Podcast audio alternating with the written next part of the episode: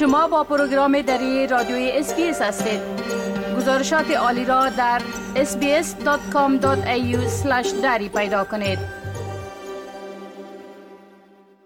حال با جاوید روستاپور خبرنگار برنامه دری رادیوی SBS برای جنوب آسیا. به تماس هستیم که اونا درباره تازه ترین رویدادها در ارتباط به افغانستان صحبت می‌کنن. آقای روستاپور سلام عرض می کنم خب گفتم این که با اقدام طالبا برای جمعوری در حدود پینجا هزار کتاب از مؤسسات نشراتی و همچنان از کتابخانه ها و کتاب فروشی ها عکس های نشان داده شده. بله؟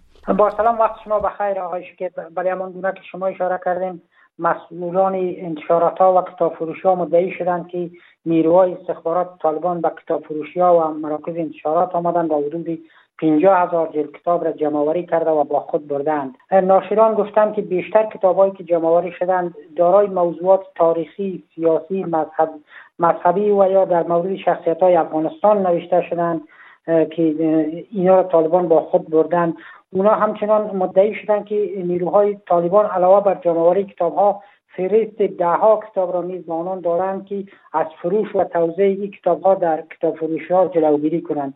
ناشران تاکید کردند که امروز مسئولان وزارت اطلاعات فرهنگ طالبان با شماری از این ناشران و کتاب فروش ها در وزارت اطلاعات فرهنگ دیدار داشتند و گفتگو کردند و اینا در این گفتگوشان با مسئولان وزارت فرهنگ طالبان در مورد جمعوری کتاب ها شکایت کردند و اونا وعده سپردند که این موضوع را بررسی خواهند کرد.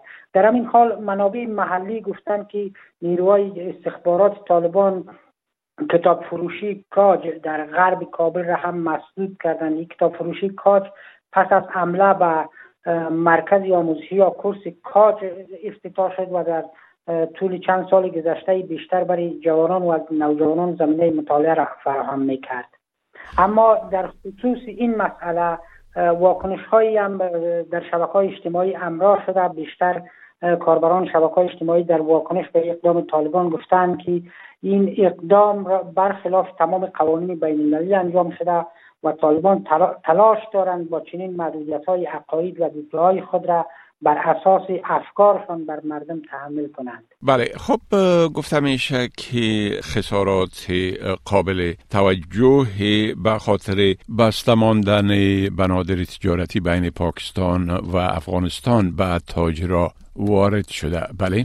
اتاق مشترک تجارت افغانستان و پاکستان اعلام کرده که پس از اینکه تمامی مسیرهای تردد به این کشور از طرف پاکستان مسدود شد صدها موتر در اون طرف مرز و این طرف یعنی در تورخم و همچنان در مرز غلام خان برای صدها موتر گیر ماندن در طرفه که بیشترشان کالاهای افغانستان که عمدتا میوه و سبزیجات است.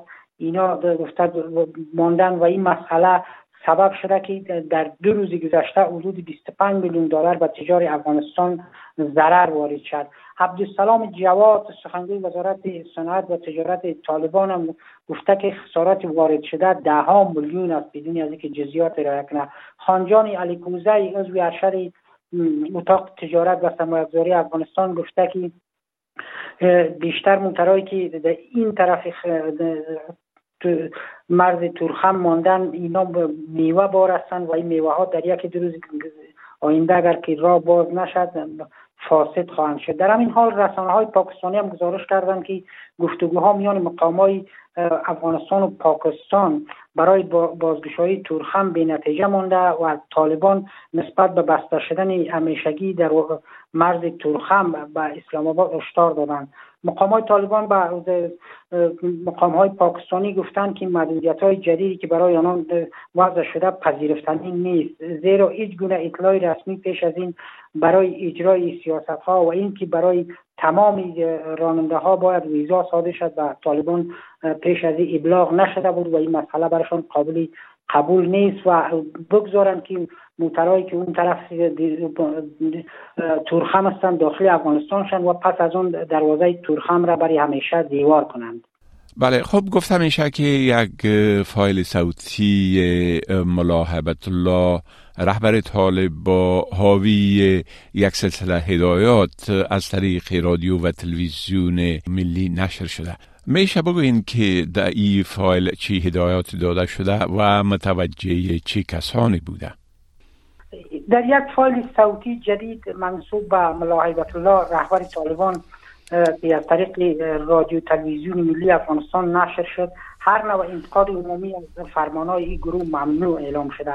رهبر طالبان در این سخنرانی انتقاد علنی از سیاست های طالبان را ممنوع کرده و گفته که اگر به عبارت اسلامی کلام اعتراضی دارید کوشش کنید که در منبر و به صورت عمومی این موارد ابراز نشود و به صورت کذبی و مقامات طالبان ارائه شد در بخشی از این سخنرانی به حمایت کشورهای غربی از حکومت منتخب در افغانستان اشاره کرده. رهبر طالبان و گفته که جهان کوشش می‌کند ذهنیت مردم افغانستان را نسبت به شریعت خراب کند.